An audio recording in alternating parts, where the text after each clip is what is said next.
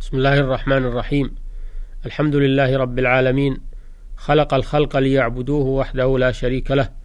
الصلاة والسلام على نبينا محمد. دعا الناس إلى عبادة ربهم ونهاهم عن الشرك صغيره وكبيره. أما بعد أيها الإخوة المستمعون نواصل الحديث معكم في موضوع العقيدة الإسلامية.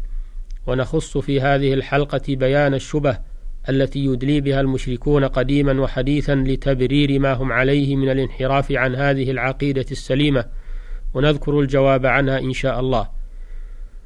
فنقول إنه بسبب رواج الشبه والحكايات التي ضل بها أكثر الناس واعتبروها أدلة يستندون إليها في تبرير ضلالهم وشركهم استمرأوا ما هم عليه فكان لا بد من كشف زيفها وبيان بطلانها ليهلك من هلك عن بينة ويحيى من حي عن بينة.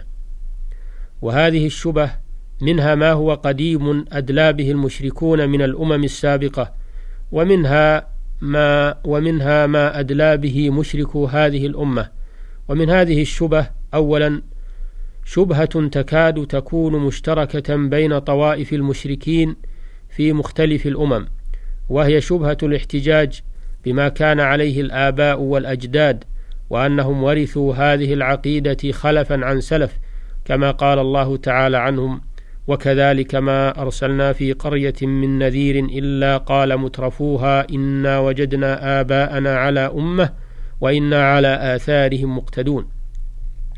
وهذه حجة يلجأ إليها من يعجز عن إقامة الدليل على دعواه وهي حجة داحضة لا يقام لها وزن في سوق المناظرة فإن هؤلاء الآباء الذين قلدوهم ليسوا على هدى ومن كان كذلك لا تجوز متابعته والاقتداء به. قال تعالى ردا عليهم قال أولو جئتكم بأهدى مما وجدتم عليه آباءكم؟ وقال تعالى أولو كان آباؤهم لا يعلمون شيئا ولا يهتدون؟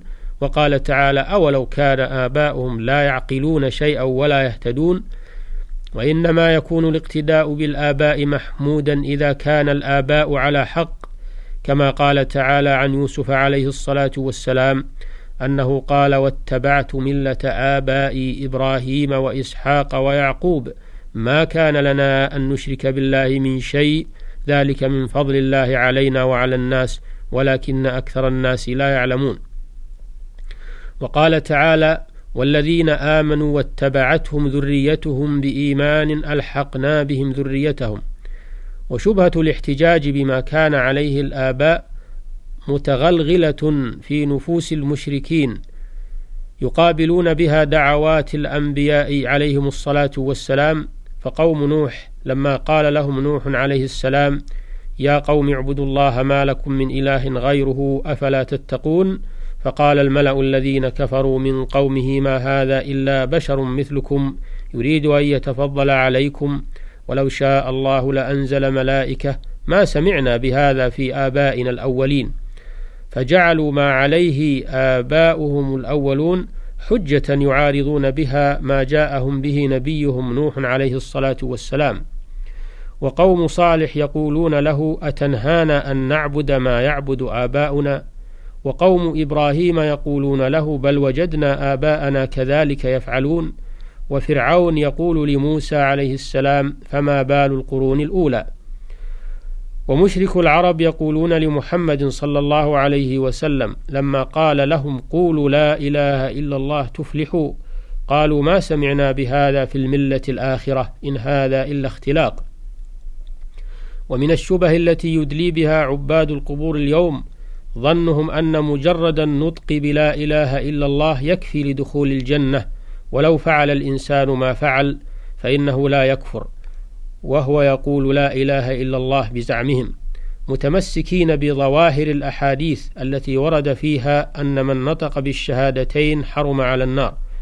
والجواب عن هذه الشبهة أن هذه الأحاديث ليست على إطلاقها وإنما هي مقيدة بأحاديث أخرى جاء فيها أنه لا بد لمن قال لا إله إلا الله أن يعتقد معناها بقلبه ويعمل بمقتضاها فيكفر بما يعبد من دون الله كما في حديث عتبان فإن الله حرم على النار من قال لا إله إلا الله يبتغي بذلك وجه الله.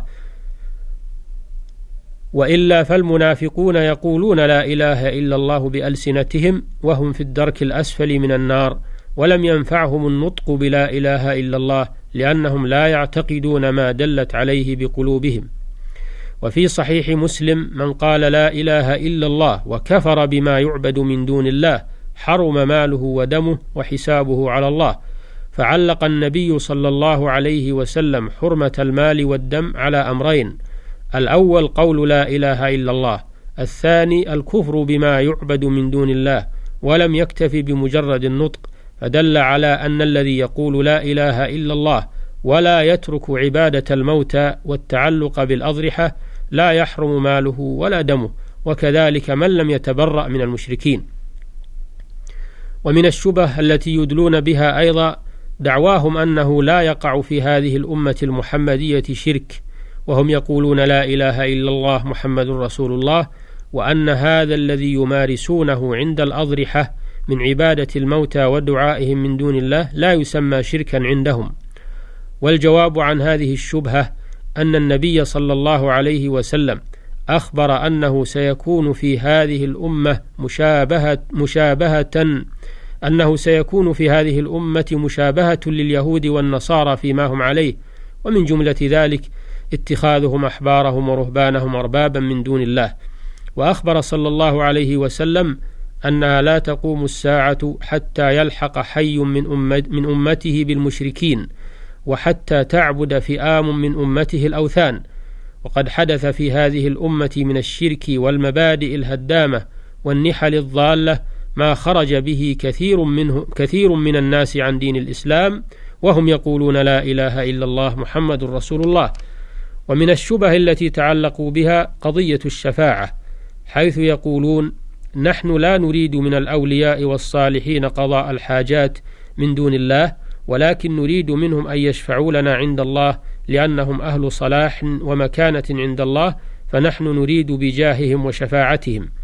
والجواب أن هذا هو عين ما قاله المشركون الأولون في تبرير ما هم عليه وقد كفرهم الله وسماهم مشركين كما في قوله تعالى والذين اتخذوا من دونه أولياء ما نعبدهم إلا ليقربونا إلى الله زلفى.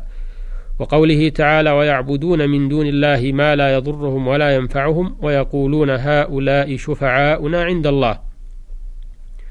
والشفاعة حق ولكنها ملك لله وحده كما قال تعالى قل لله الشفاعة جميعا فهي تطلب من الله لا من الأموات لأن الله لم يرخص في طلب الشفاعة من الملائكة ولا من الأنبياء ولا غيرهم لأنها ملكه سبحانه وتطلب منه ليأذن للشافع أن يشفع.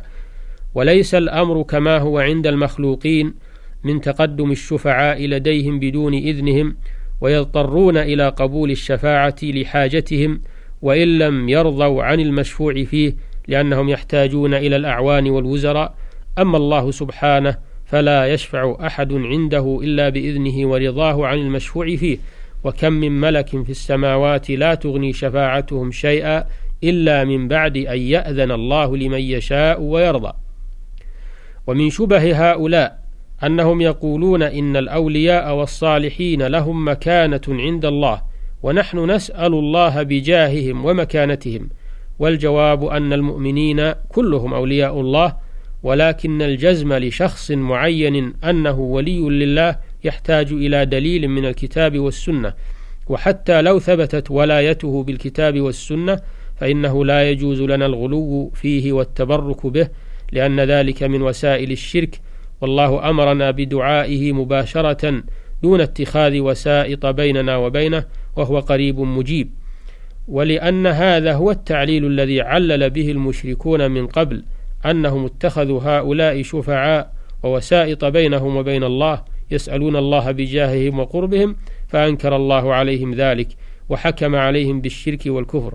أيها المستمعون الكرام إلى الحلقة القادمة بإذن الله. والسلام عليكم ورحمة الله وبركاته. والحمد لله رب العالمين.